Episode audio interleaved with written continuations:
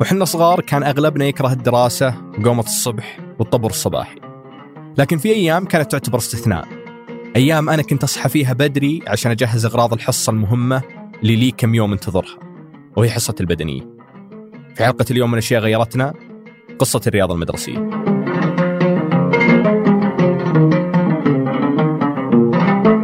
عيون ما ترقد من الليل ساعة يا هلا. أنا مازل عتيبي وهذا بودكاست أشياء غيرتنا من إذاعة ثمانية. في كل حلقة أجلس مع المؤرخ الاجتماعي منصور العساف ونستعرض شكل من أشكال تغير المجتمع السعودي. تنويه بسيط قبل ما نبدأ بتلاحظون اليوم تركيزنا كله على مدارس البنين لأن مدارس البنات ما كان فيها حصص بدنية إلا قبل كم سنة. على أي حال المثال الشخصي اللي ذكرته في المقدمة مو باستثناء. كل اللي يعرفهم يشاركوني هالشغف في حصة الرياضة. الحصة الوحيدة اللي تلعب فيها بدل ما تدرس. هالشغف كان عالي لدرجة أننا كنا نبغى نلعب في أي ظرف ممكن.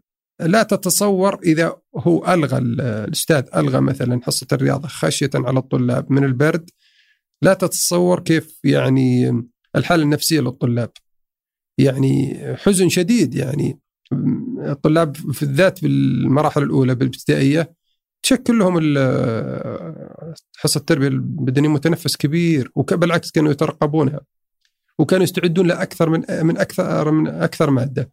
يعني يحضرون لها قبلها بيوم أو من العصر يجهز ملابسه ال- ال- الكورة واليوم بلبس كذا كذا ناهيك انه يكون في تحدي.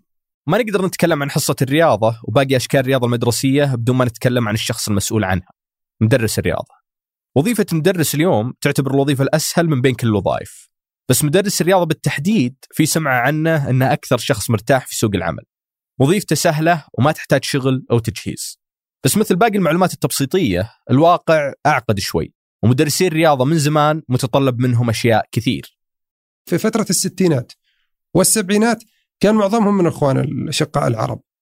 وكانوا طبعا آه، يعني آه، خريجي معاهد أو كليات التربية البدنية. وكانت دراسة أشبه بالدراسة العسكرية أشبه بكليات الدراسة العسكرية. يعني كانت معلومات آه، علمية ونظرية مكثفة وكذلك آه، معلومات يعني رياضية ميدانية وفي جميع الألعاب. فأستاذ الرياضة وقتها كان قادر على انه يحكم لك مباراة في الطائرة يحكم لك مباراة في السلة ويحكم لك مباراة في آه، ألعاب القوى جميع ألعاب القوى القفز والزانة إلى آخره والوثب وكذلك كرة القدم. فالمام شبه متكامل في الألعاب المختلفة لا سيما ألعاب القوى وكذلك طبعا كرة القدم. آه، ناهيك على آه، التمارين آه، الصباحية وتمارين ال- ال- العضلات والجسم واللياقة إلى آخره. لذلك هو يسند إلى أستاذ الرياضة وطبر الصباحي. تمارين الطابور الصباحي. أول نشاط تبدأ فيه يومك الدراسي. طبعا هذا بافتراض أنك كنت دافور ومنضبط. تمارين طبعا فيها تمارين معروفة ومتكررة لكن في تمارين كثير يختلفون أساتذة الرياضة في اكتشافها. وكذلك أحيانا انت تعرف إنه دائما في الصفوف الأولى هم يأتي الطلاب ال- يعني المثابرين والجيدين والحريصين على الحضور. لكن كل ما توسطت لصف الطابور يعني أولى وثاني وثالث ورابع أولى مثلا ست فصول آه، ثاني أربعة أو خمسة أو ستة هكذا. فأنت تشوف دائما الأوائل في الصف الطابور تلقاهم متميزين والجيدين. أو غير السعوديين في العادة. يعني السعوديين يحرصون إنه دائما يكونوا في وسطهم. ال... كل ما تأخرت يزداد يعني إنه مؤشر إن الطالب أكثر إهمال وتسيب. فلازمه حتى عند الشباب إنه يكون ال- الكبار في السن يعني كأنه من باب الفتور الرجول إنه يكون لازم متأخر. من العيب معيب إنه رجل يعني شاب كبير أو أكبر من طلاب الفصل ويكون في مقدمة الطابور. هذه يرون الطلاب يعني وربما لا زالت إنه يرون انها معيبة. كانوا يتزاحمون على آخر واحد. على آخر. شيخ صحيح. أحيانا يفاجئهم المدرس أستاذ الرياضة إنه يعني ينتقل لل للصفوف الخلفية ويطلب منهم إنهم يعكسوا. آخر ثلاثة إيه. تعالوا قدام. أيوه يطلب منهم يعني يعكس الصف فيصير اللي في الأخير هم اللي في الأول وفي الأول هم الأخير. ما كانت التمارين الرياضية الشيء الوحيد اللي يبدأ فيه الطلاب يومهم؟ الطابور المدرسي يتخلل أحيانا آه، يعني آه، أمور نفسية أثناء آه، يعني آه، أداء التمارين تسمع مثل الخيزرانه تضرب الطلاب الآخرين اللي تاخروا عن الطابور يعني بداية إذا كانت المدرسة تضع يعني حد معين مع بداية الطابور أو منتصف الطابور لقبول الطلاب فأنت تشنف أذانيك على ضرب الزملاء للأسف. معاناة أستاذ الرياضة والطلاب ما تنتهي بعد الطابور يعاني ويعاني طلابه من الحصص الأولى في البرد والحصص الأخيرة في الشتاء. يعني آه، في البرد صعوبة اللعب خصوصا في الملاعب المفتوحة. في الصيف في الحصص الأخيرة يعني الحصة السابعة السادسة حتى الخامسة يكون يعني الحر شديد فصعب على الطلاب خصوصا في الملاعب المفتوحة. في الغالب آه، الطلاب يرغبوا في كرة القدم يعني هذه آه، متعبة أساتذة التربية البدنية، الطلاب في الغالب يرغبون فالاستاذ يجبرهم طبعا على الألعاب المختلفة يعني يضع لهم كرة القدم في مرة في الأسبوع المرة الثانية الحصة الثانية تكون لا ألعاب مختلفة. بس إجبار الأستاذ للطلاب على الألعاب المختلفة ما كان تصرف مزاجي. كان أستاذ الرياضة مكلف أيضا من قبل مديريات التعليم في آه، اكتشاف هذه المواهب بل أنه يضع مسابقات عنده مو ملزم بس في كرة القدم هو لازم يعطيهم كل الألعاب الأخرى فكان يعطيهم مثلا القفز بالزانة الوثب الثلاثي كرة الطائره كرة السلة كرة اليد. فيستكشف المواهب عنده في المدرسة مع كل فصل. يستكشف المواهب حتى لو كانت الطفل أو الشاب آه، مستجد على اللعبة. لكن يعني مع التمارين يدرك إن هذا خامة كويسة للعبة هذه. كثير من اللعيبة الكبار في تاريخ المنتخب السعودي والأندية السعودية كانوا تخرجوا من يعني أو اكتشفهم أساتذة التربية البدنية. فمثلا آه، بدر مقيل كابتن بدر مقيل آه، اكتشف في المجمعة هو بطل يبدو لي الخليج والمملكة والوسطى وظهر في العالم العربي في آه، كرة المضرب التنس الأرضي. إيه. أيوه. آه كذلك آه آه سعد شداد كان في الأهلي عام 96 آه الثالث على العالم يبدو لي جائزته. كذلك صوعان ومخلد العتيبي هذه المواهب اللي وصلت العالمية ما كانت حصة الرياضة هي بوابتها الأولى لإبراز نفسها. في شيء ثاني كان له زخم كبير وقتها واللي هو دوري المدرسة. يعني في الفسحة يكون دائما اللي فترة اللي بين الحصص يكون نص ساعة هذه يقام فيها دوري للمدرسة. في الفصول أولى وثاني وثالث ورابع وخامس كل فصل له فريق. فصول بينها مباريات لكن من الفصول هذه تستخرج منتخب كامل للمدرسة فيكون في مباريات للمنطقة اللي أنت فيها المدينة ثم للمنطقة ثم للمملكة. كان اللي عندهم آه، مباراة في الفسحة يطلعوا فعلا قبل الفسحة في ربع ساعة كذا عشان يفطر المشكلة إنه إذا أفطر يصعب عليه إنه يلعب. طبعا ما يمنع إن أحيانا يكون في لاعبين محترفين من نوع خاص يدخلون الدوري عشان يزيدون الحماس. كذلك أحيانا يكون الدوري هذا يلعب فيه المدرسين. يعني الدوري اللي يكون في الفسحة يعني يشارك كل مدرس كل رائد فصل مع طلابه. في الغالب الدوري يأخذه الفصل اللي يشرف عليه أستاذ الرياضة. أثناء الكورة إذا بالذات في المدارس المستأجرة أثناء مع اللعب والحماس تعرف الشباب يعطوا شوي طاقة زايدة ف الكرة تقفز إلى الجيران. من الموجود غالبا في منازل الجيران؟ الأم. تكون الأم الأبناء المدارس والبنات في المدارس والأب في العمل الأم هي الوحيدة اللي في المنزل فهي على طول تسمع الكرة تطلع لفناء المنزل وتعيد لهم الكرة مع دعوات إن شاء الله مستجابة يعني من الأم. إذا جينا نتكلم عن حصة الرياضة والدوري طبيعي ما ننسى موضوع اللبس والطقم الرياضي. فالأستاذ يجبر الطلاب على حسب مرة الأستاذ أحيانا يجبر جميع الطلاب في الفصل إنه يتقيدوا بالزي الرياضي ويلعبوا وبالألعاب مختلفة. واحيانا أستاذ يكون لا أقل يعني ما يجبرهم كلهم. يعني اللي بيلبس اللي ما يلبس خلاص أنت حضرت ملابسك خلاص ما يجبرك. في الغالب إن اللي ما يلبس منه الأطفال أو ابناء السمان ما يلعبوا في الغالب يعني ما يحبوا. أو الأطفال انطوائيين ما يحبوا يعني يلعبوا كرة. أو ما لهم في الكورة في ناس ما لهم بالكورة. أو الكبار السن آه اللي هم خلي أقول لكم مسوي نفسه فتوات على في فصل. فمن المعيب إنه يكمل تك يعني يكمل يعني يلبس التكميله الرياضية ويلعب مع هو يرى نفسه إنه يعني كبير في السن وعيب إنه ينزل يلعب ما لعب معك أيوه, أيوة. فهذول اللي دائما تلقاهم يلعبوا الفصل كله من الركن هذول ما يلعبوا وكيف نتكلم عن اللبس الرياضي في المدرسة بدون ما نجيب طاري الطريقة اللي كنا نلبس فيها هاللبس؟ كان من اللزمات طبعا إنه الابتدائي والمتوسط. يعني إلى حد ما المتوسط. إنه كانوا يلبسوا التكميلة اللبس الرياضي كامل وفوقها الثوب. وتشوف الثوب يعني اللي هو لابس أصفر ولا لابس أحمر ولا لابس أخضر من من الثوب. لما يكبر شوي يعني بدأ مرحلة خلي بقول بداية الشباب إنه خلاص هو يستقل يجيبها معه بحقيبه أو يجيبها معه بكيس يجيب ملابسه ويغير في الفصل ويرجع في ال- يغير مرة ثانية. والرياضة المدرسية نفسها كانت تتأثر بالرياضة الاحترافية.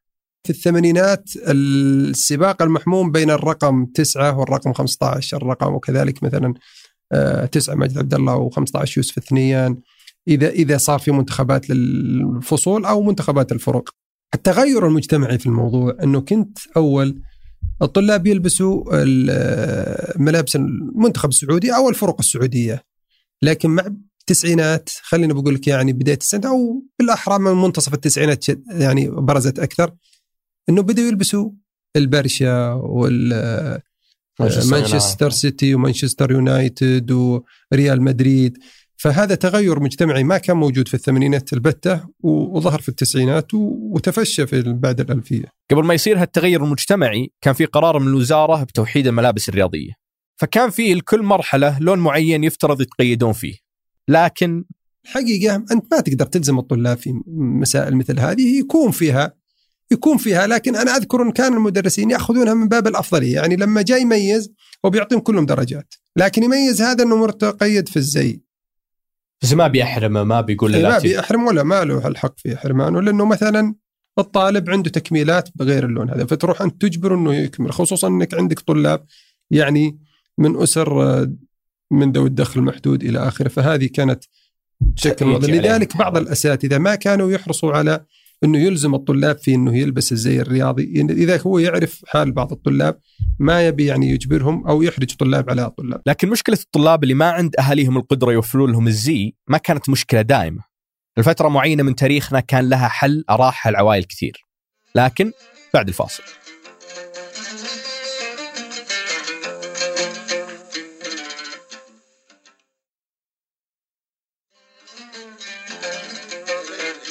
قبل الفاصل كنا نتكلم عن عدم قدرة بعض العائلات على شراء الزي لأولادهم وكيف مشكلتهم ذي كان لها حل لعدة سنوات وهو برنامج الملابس الرياضية من وزارة المعارف مع بداية الطفرة كانت توزع الملابس الرياضي لكل مدرسة.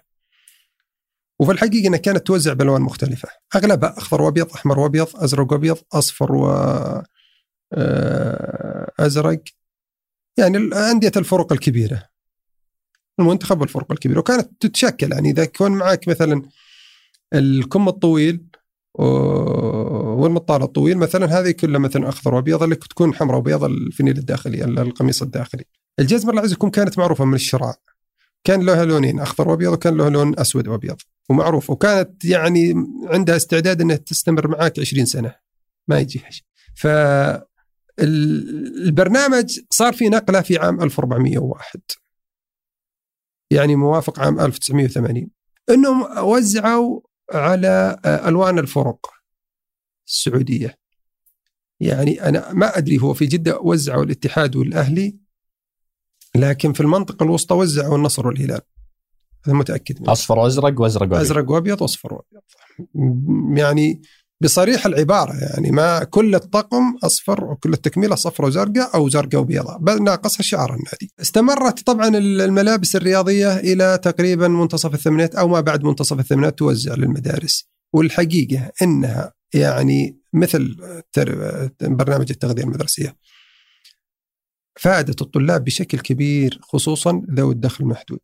في عام 82 83 84 ظهرت وحدت في اللون الأخضر والأبيض. وظهرت فيها العبارة الشهيره وزارة المعارف، يعني هنا بروش كذا وزارة المعارف. واستمرت بهالزي هذا تقريبا أربع سنوات وبعدين انقطعت بالكامل. طبعا المنافسة في الكورة ما كانت بس باللعب والمهارات وعدد الأهداف اللي سجلتها في نوع ثاني من المنافسة أو الهياط إن صح التعبير ظهر عند طلاب المدارس وهي إنك تحط رقم اللاعب اللي تحبه واسمك على ظهر الفنيلة. كان الرقم يعني شيء والرقم كنت تشتريه غير عن ال ال ال القميص. يعني تاخذ القميص وتروح تشتري رقم إذا كنت إذا كان اللاعب اللي أنت تعشقه يعني يتكون من رقمين فأغلى. هو يبيع لك الرقم واحد. فأنا قلت لك الإقبال كان على الرقم تسعة لكن بعدين برضو رقم 15 آه، كان رقم أحمد جميل في الاتحاد رقم أمين داب وأحمد الصغير في الأهلي. آه، أرقام مميزة حقيقيه تلقاها دائما حتى في شوارع جدة والرياض في أبها في الشرقية كان صالح خليفة. فالشباب كانوا تتنافسوا في مسألة الأرقام. يعني كل تلقى ثلاثة كلهم جايين هجوم وتسعة ولا جايين 15 ولا خمسة ولا إلى آخره. اللزمه الثانية ظهرت معاهم كان فيه في منتصف الثمانينات حقيبة كذا من القماش أو من البوليستر آه، توضع فيها الملابس الرياضية. هي مخصصة للملابس الرياضية. خفيفة كذا يعني بحبال يعني. تضع فيها الملابس الرياضية أو الله يعزكم الجزمة وتشيلها كذا باصبعين كذا تحطها خلف ظهرك. لا الطلاب من باب تقليعه كذا جت بين الطلاب إنه استخدموها حقيبة يعني حطوا ال- ال- ال- الدروس أو ال- المناهج الكتب حطوها فيها ولا يروح ولا يجول فيها.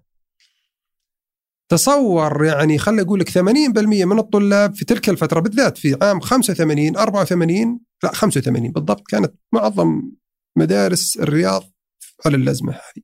وطبعا إذا في منافسة باللبس فالجزمات جزء ضروري من هالمنافسة الجزم كان في سباق بين الماركات. كان الماركات المعروفة طبعا الإديداس والبوما.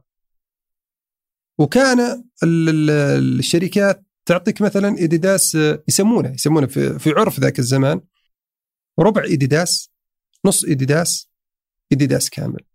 كيف ربع إديداس نص إديداس؟ يعرفونها زين أبناء الجيل جيل السبعينات والثمانينات. الربع إديداس هي آه الله يعزكم جزمة الإديداس بس بمواصفات معينة وكانت قوية جدا جدا جدا جدا آه أدركتها.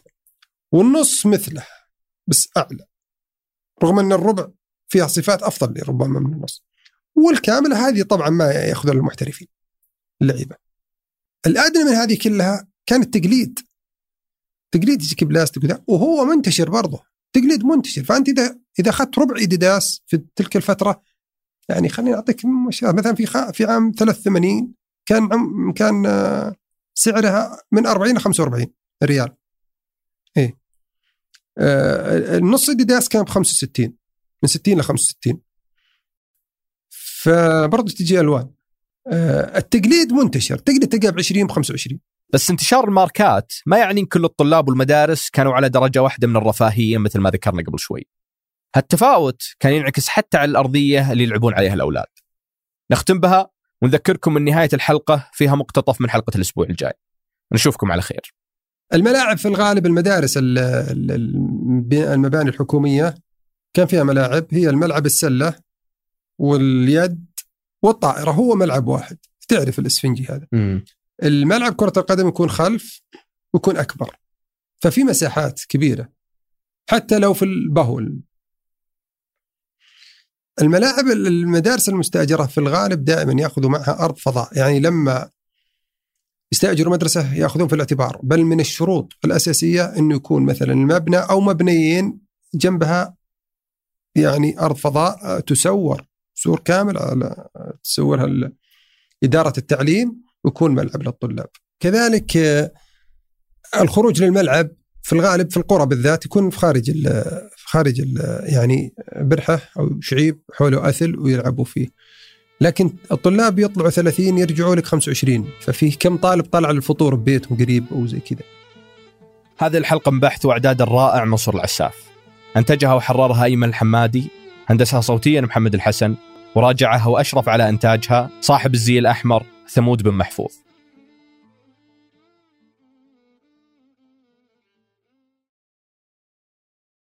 هم يشوفوا اللاعب الهداف. أو الفريق اللي يتوقعوا إنه بيفوز ويروحوا عند الباب. كانوا يجوا في في ال- الملعب اللي فيه اللاعب الخطر. الباب اللي فيه اللاعب الخطر. أو إن الفريق مهيأ بحكم إن التشكيلة هنا أقوى اللاعب الفلاني هذا ما لعب. فالتشكيلة التوقعات إن الفريق هذا يفوز فتكون. فيكون رهان مراهنات بين المصورين أنفسهم الفريق لا إحنا بنفوز. فتشوف هنا وهنا. وبعدين يقعد بعضهم يقعد بعضهم. ينتظر ينتظر ينتظر يشوف الهجمات هناك. فيقوم يمشي ويجون كل جماهير يصيحون عليه. أرجع أرجع أرجع. جماهير الفريق هذا. يعني ارجع حنا اللي بنجيب فيهم. لا.